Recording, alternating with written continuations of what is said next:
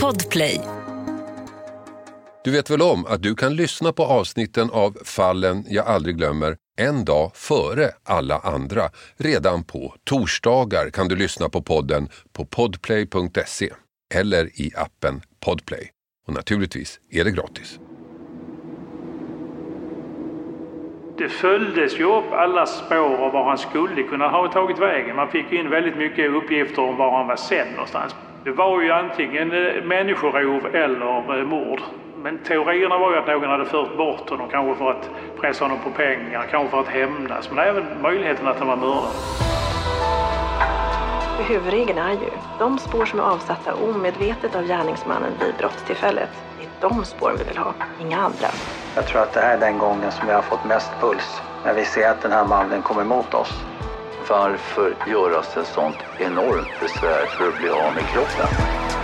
Det här är ju någonting som man aldrig liksom kan glömma. Ska jag vara ärlig så bondas jag fortfarande över det här.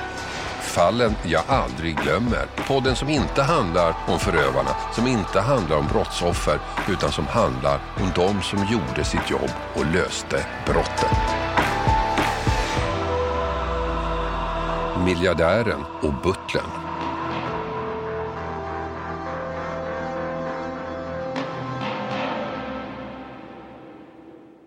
Den historia jag nu ska berätta låter sig inte återges så lätt. Den är komplicerad. Det som verkar självklart visar sig inte vara som det synes vara så det blir problem redan från början. Men samtidigt ett av de brottsfall som genom åren fascinerat mig och många andra väldigt mycket. Jag pratar om Karl-Erik Björkegren, finansmannen vars försvinnande varit en gåta i nästan 30 år. Men historien om Björkegren handlar inte bara om honom.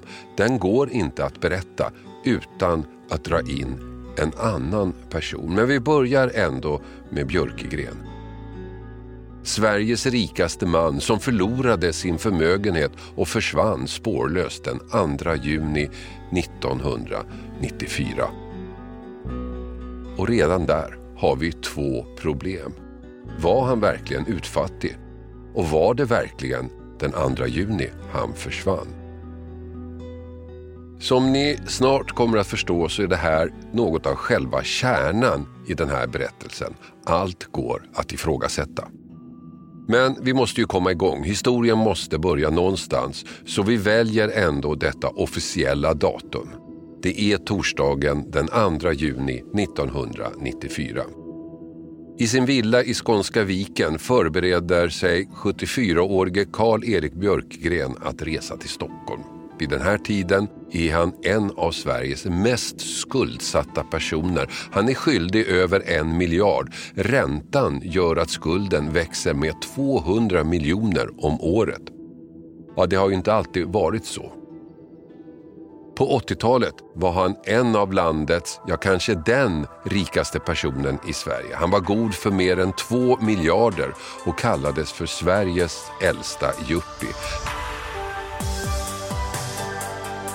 Han älskade att vara rik och visade gärna upp sin konstsamling i pressen. En samling som var en av de största privata i Europa och beräknades bara den att vara värd en halv miljard. Och som kronan på verket köpte han Axel Wennergrens gamla palats i diplomatstaden i Stockholm. En riktigt tjusig villa. Men som för många andra så byggde hans förmögenhet på lån. Och under finanskrisen i slutet av 80-talet kraschade allt. Villan såldes och han gick i konkurs 1991 med skulder på 1,3 miljarder. Den största personliga bankrutten i Sverige hittills. Och dessutom kraschade hans äktenskap. Men på något sätt lyckades han ändå behålla sommarhuset i Viken där han alltså levde 1994. Han var ganska ensam, Björkegren. Den enda som umgicks regelbundet med honom var hans butler, hans betjänt, 27-årige Pierre Bäckman. Och det är den här butlern som ger oss detaljerna i Karl-Erik Björkegrens sista dag. Det är genom honom som vi vet att Björkegren packade för att resa till Stockholm. Pierre hjälper honom på förmiddagen men går hem vid halv tolv-tiden för att ta hand om sina barn. När han kommer tillbaka efter klockan ett är Björkegren borta. Och där drar polisutredningen igång. En utredning som blev en av de mest uppmärksammade i pressen någonsin.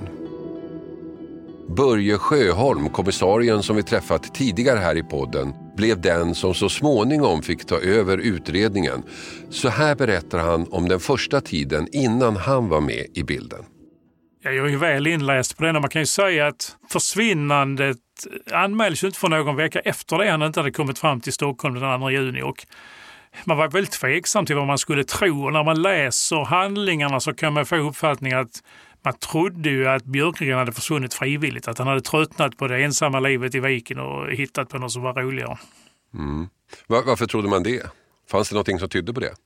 Nej, det fanns ju ingenting som tydde på något brott i och för sig, va? utan man, eftersom Björkegrens liv hade förändrats väldigt drastiskt. Från att ha varit eh, uppburen och en av Sveriges rikaste så satt han ju rätt så ensam och hade tråkigt i viken. Så att, och I brist på att man hittar några bevis på brott så tror jag att man utgick från att han hade försvunnit. Och det fanns ju också personer som man hörde i hans bekantskapskrets som uttalade sig i termerna att han hade tröttnat och någon vet jag använde begreppet det kunde vara ett tekniskt självmord, det vill säga att han hade försvunnit självmant. Även om utredningen inte lyckades hitta några avgörande spår så avslöjade den ändå en intressant sak. Karl-Erik Björkegren var inte utfattig. Han hade lyckats gömma en ansenlig summa pengar i Schweiz. Pengar som i sig skulle kunna vara ett mordmotiv gott som något. Ingen kände till pengarna. Det vore mer eller mindre riskfritt att stjäla dem för den som kom på hur. Nej, det kunde ju konstateras att eh, Björkegren hade ju pengar på en bank i Schweiz och de pengarna lokaliserades så, så det är ju reellt så var det ju. Han hade någon miljon där nere. Mm. Men de eh, rördes ju aldrig efter försvinnandet vad jag förstår. Nej, de pengarna var helt orörda efter försvinnandet. De hämtades sedermera hem av konkursförvaltaren och ingick i konkursen. Men det hemliga kontot i Schweiz var intakt visade det sig. Inga uttag hade gjorts efter att Björkegren försvunnit. Vilket också gjorde att den teori som de första utredarna främst trodde på i början, nämligen att Björkegren skulle ha flytt självmant, inte heller verkade stämma. För då skulle han väl använt sina pengar. Fanns det någonstans i, under den här perioden då man började ändra uppfattning om att någonting kanske hade hänt? Det är svårt att säga när det exakt eh, inträffade den punkten, men man kan väl säga så att det följdes ju upp alla spår av var han skulle kunna ha tagit vägen. Man fick in väldigt mycket uppgifter om var han var sedd någonstans. Men alla de körde man i botten och visade sig att det stämde inte vid något tillfälle. Och då börjar man ju luta åt att han var utsatt för ett brott. Men exakt hur lång tid det tog, det, det har jag ingen uppfattning om. Vad var det för brottsteori man hade då? Ja, det var ju antingen eh, människorov eller eh, mord. Men teorierna var ju att någon hade fört bort honom, kanske för att pressa honom på pengar, kanske för att hämnas, men även möjligheten att han var mördad.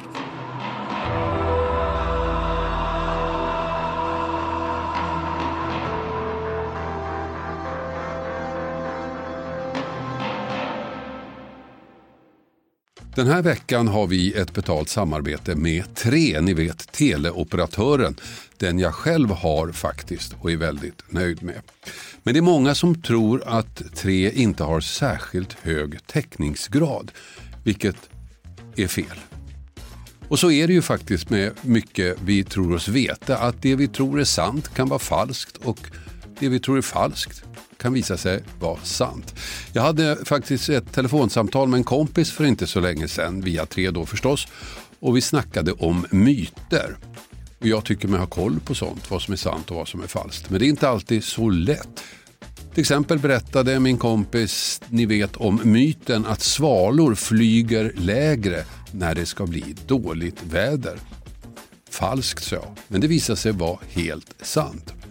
Och så det här att man, om man duschar varmt på sommaren så blir man svalare. Det trodde jag inte heller på, men det visade sig också vara sant. Så det blev lite en aha-upplevelse för mig. Men så pratar vi om vår gemensamma operatör. Ja, de har ju väldigt bra täckning, sa han. Och där visste jag att han har rätt. Han visste att Tre har byggt ut och nu har väldigt stor täckning. Men det är inte alla som vet. Och ibland är det inte riktigt som man tror.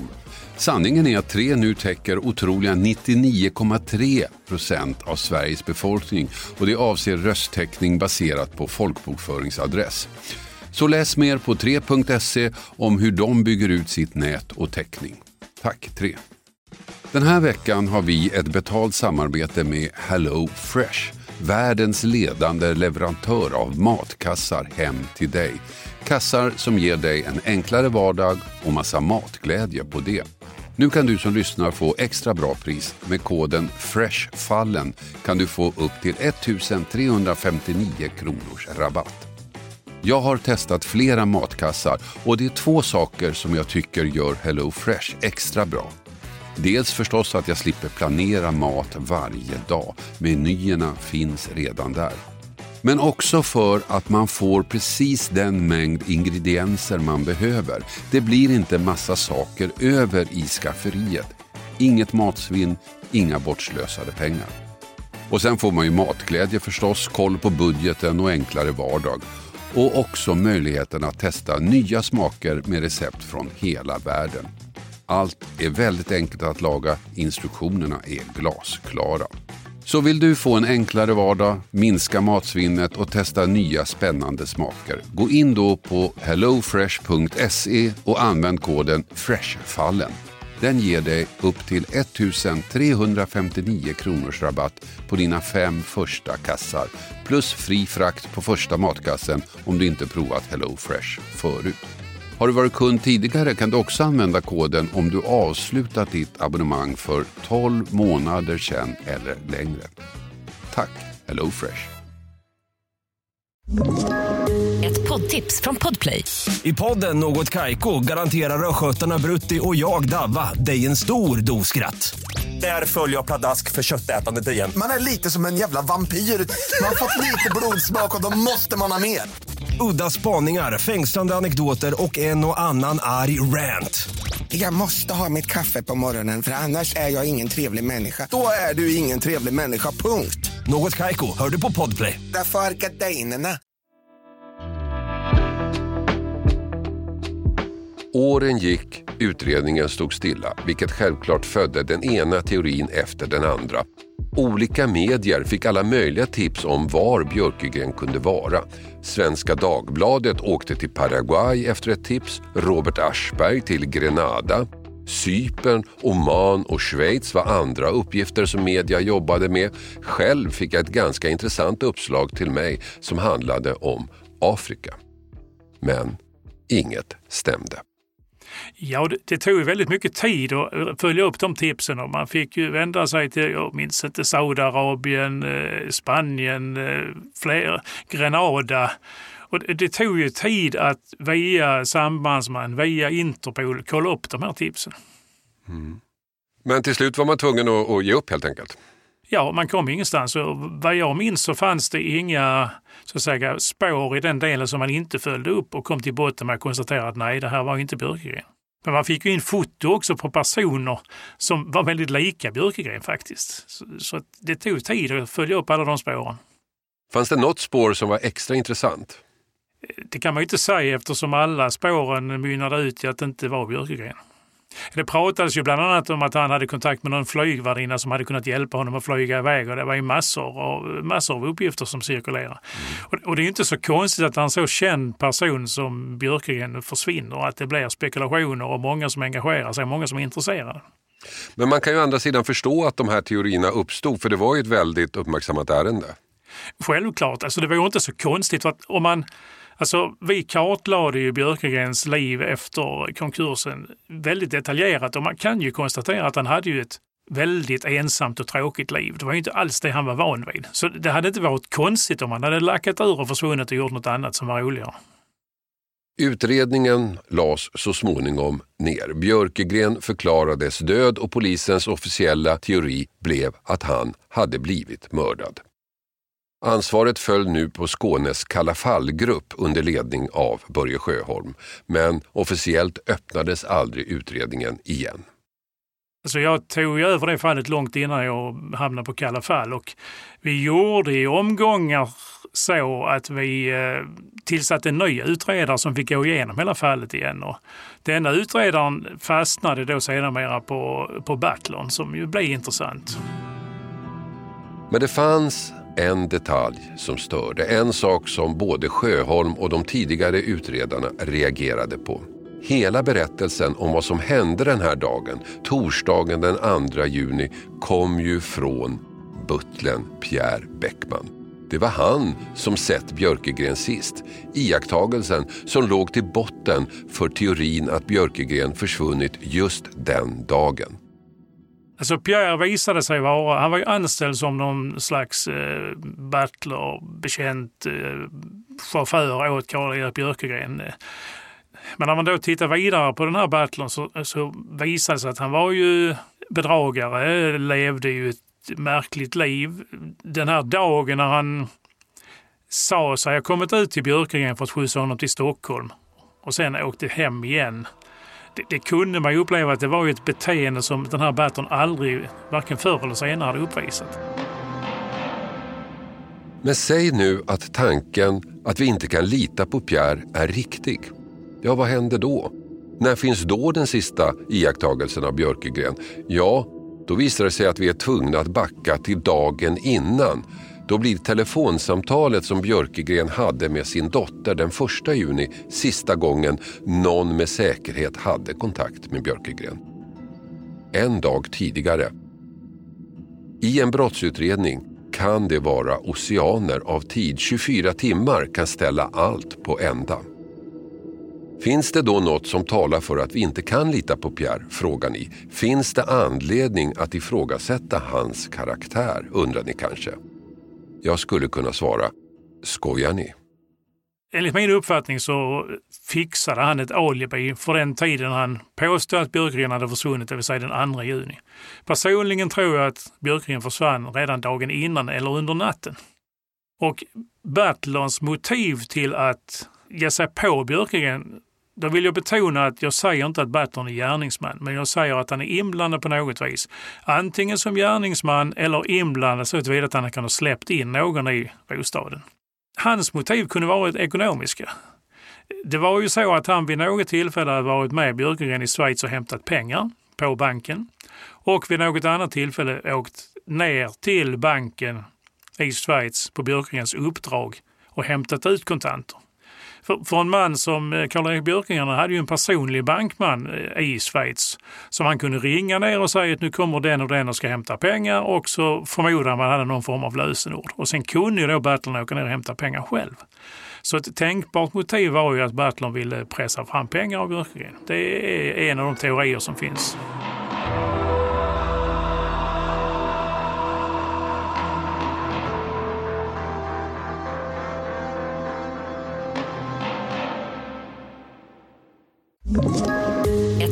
Poddtips från Podplay. I podden Något Kaiko garanterar östgötarna Brutti och jag, Davva, dig en stor dos skratt. Där följer jag pladask för köttätandet igen. Man är lite som en jävla vampyr. Man har fått lite blodsmak och då måste man ha mer. Udda spaningar, fängslande anekdoter och en och annan arg rant. Jag måste ha mitt kaffe på morgonen för annars är jag ingen trevlig människa. Då är du ingen trevlig människa, punkt. Något Kaiko, hör du på Podplay. Därför är Låt oss hoppa fram fyra år efter försvinnandet. Vi befinner oss på ett litet pensionat i Vittsjö, ett charmigt litet hus, vitt med blå knutar, romantiskt och välskött. I matsalen är stämningen uppsluppen. Runt bordet sitter flera av ortens företagare. I kortändan, kvällens värd, en utlandssvensk som nu kommit hem igen. Efter år av lyckad internationell karriär vill han nu satsa i Sverige och han har valt Vittsjö. Han har flera projekt på gång. Allt som kvällen skrider ökar hans och företagarnas entusiasm. Ja, ni har redan förstått vem mannen är. Det är Pierre Bäckman. Björkegrens butler som plötsligt dykt upp igen. Och det här håller förstås inte länge. En dag är han plötsligt borta igen efter att ha snurrat upp hela bygden. Borta med pengarna, skulle man tro. Men som så många andra bedragare av hans typ har han inte tjänat så mycket pengar den här gången. Han har tagit lite handlån och så har han stuckit från notan förstås. Så pensionatet har naturligtvis förlorat en slant. Annars verkar hans sejour inte skapat några större förluster. Jag besökte den här orten 1998 och då frågade jag pensionärsvärdarna om de inte reagerat på att Pierre valt det minsta och mest anspråkslösa rummet när han anlände till orten. Jo, det hade de förstås, men han hade sagt att rummet påminde honom om hans pojkrum. Vi vet inte så mycket om vad Pierre Bäckman har gjort sedan dess. Det fanns en anmälan att han lurat någon på pengar i Örebro. Senaste livstecknet var från Hamburg där han köpte vitvaror på kredit utan att ha någon. Han greps för det men släpptes och nu är han borta helt enkelt. Som bedragare är Pierre Bäckman inte unik. Det finns några människor som åker runt i Sverige och världen och målar upp bilder av sig själva som folk går på. Det märkliga är att när de senare har försvunnit är det sällan med några stora pengar. De har hållit sig försörjande, knappt mer. Det mest kända är förstås den så kallade Dr. Bluff. Och under en tid gjorde jag ett reportage och följde en norsk kvinna på en liknande bedragarturné i Västsverige med en hög obetalda hotell och restaurangnotor lämnade efter sig.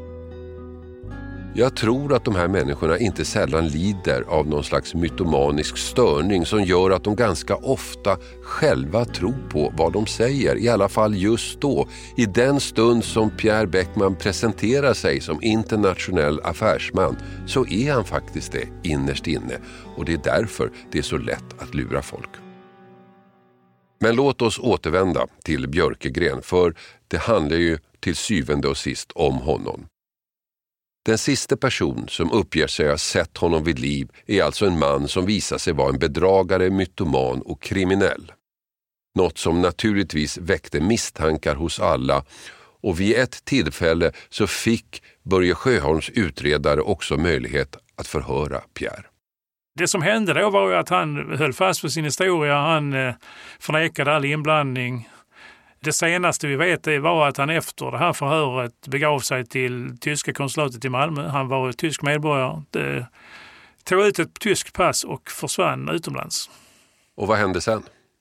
Ja, sen la vi ju en spärr eh, hos Interpol för att se om vi kunde få fram mer uppgifter om Butler. Och det visade sig att det dök upp att han var dömd för bedrägerier någonstans Tyskland, Österrike. Men det var ju ingenting heller som förde oss vidare i Björkegrens försvinnande. Det, snarare bekräftar väl uppgifterna om att eh, var en bedragare.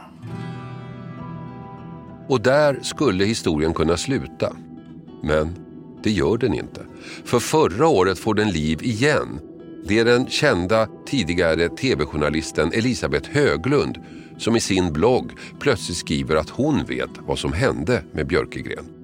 Enligt henne kom Björkegren verkligen till Stockholm och redan dagen efter, den 3 juni, mördades han av några så kallade affärsvänner. Kroppen placerades på pontonerna på en helikopter som flög ut över skärgården och i Landfjärden i närheten av Muskö dumpades den i vattnet. Elisabeth hade fått uppgifterna redan för tio år sedan av en man som var inblandad. Men hon hade gett mannen löfte om att inte berätta om det. Men nu hade mannen drabbats av demens och tagits in på vårdhem och Elisabeth Höglund kände att hon inte längre behövde hålla tystnadslöften. Hennes uppgifter väckte förstås stor uppmärksamhet och för efterlyst räkning stämde jag träff med henne på den plats där kroppen skulle ha dumpats. Ja, Elisabeth, börja med att berätta hur du fick de här uppgifterna. Ja, det är min man som har berättat dem för mig och det är ganska många år sedan. Min man känner, och jag känner ju också honom, den här uppgiftslämnaren. Jag kan inte säga vad han hade för kontakter med eventuella eh, affärsmän och kollegor till Karl-Erik Björkegren men han kände till honom och eh, han kände till de affärsbekanta han hade. Och vid något tillfälle ska den här mannen ha sagt till min man att ja, jag vet ju var han finns. De dumpade honom i Landfjärden från en helikopter. en helikopter som var försedd med pontoner och de hade lagt kroppen på pontonerna och sen hade de bara vickat på dem och så hade han plumsat i. Och de här, som du pratar om, det är de alltså som har dödat honom? De är förmodligen affärsmän. Men kanske inte de affärsmän som var hjärnorna bakom det här. Utan jag skulle kunna tänka mig att det handlar om bulvaner eh, som har fått i uppdrag att göra sig kvitt Karl-Erik Björkegren i samband med att han försvann den 2 juni 1994. Om inte kroppen hittas lär Höglunds uppgifter inte ändra något. Hon har hörts av polisen men inget har ju hänt efter det. Vi får väl anta att mysteriet kvarstår. Och Börje Sjöholm är tveksam. Först och främst uppgiften om att det skulle vara några affärsbekanta som kände sig lurade som hade tagit livet av Björkegren. Det var ju inget, det var ju inget nytt. Det, det hade vi förekommit i utredningen tidigare. Men själva agerandet, om jag minns rätt så skulle man ha mördat honom i viken, transporterat honom till Stockholm och sen gjort av med honom på det här spektakulära sättet. Eh, jag finner det högst osannolikt. Mm. Vad, vad är svagheterna i teorin tycker du? Att det är så krångligt. Eh, man ska, eh, jag är svårt för att tänka mig att man skulle krångla till det något så fruktansvärt. Så om man nu ville dumpa honom i havet, varför skulle man lägga honom på pontonen? Men eh, jag fattar inte varför man skulle göra så.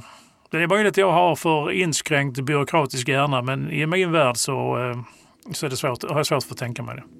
Närmare 27 år har snart gått och frågorna är lika många som de var 1994, om inte fler. Börje Sjöholm är dock övertygad om en sak. Björkegren blev mördad. Tror du att vi någonsin kommer att få ett svar? Nej, det tror jag faktiskt inte. Det har gått för lång tid? Det har gått för lång tid och eh, den personlighet... Jag tror att Bertlon vet. Men den personlighet som han visar sig ha tror jag inte har något större behov av att berätta vad som verkligen hände. Vad krävs det då för att vi skulle få ett svar, tror du? Ja, att någon berättar. Jag tror det är väldigt få som vet vad som hände och de som vet vad som hände har inge, ingenting att tjäna på att berätta om det. Och Pierre då? Pierre Bäckman, var är han? Ja, han är 54 år och ingen vet var han befinner sig. Med tanke på hans historia kan han ha bytt identitet och fortsatt sin bedragarbana. Kanske får vi veta i framtiden.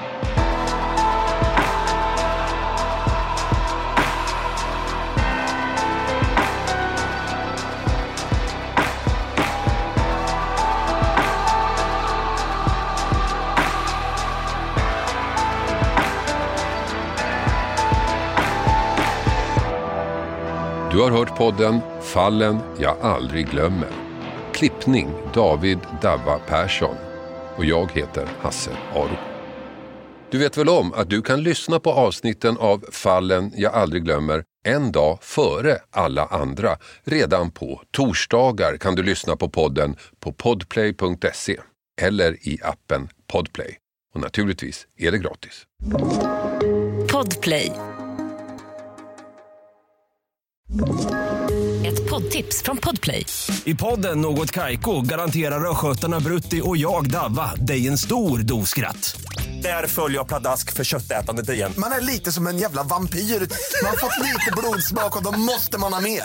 Udda spaningar, fängslande anekdoter och en och annan arg rant. Jag måste ha mitt kaffe på morgonen för annars är jag ingen trevlig människa. Då är du ingen trevlig människa, punkt. Något Kaiko, hör du på Podplay. Därför arkadeinerna.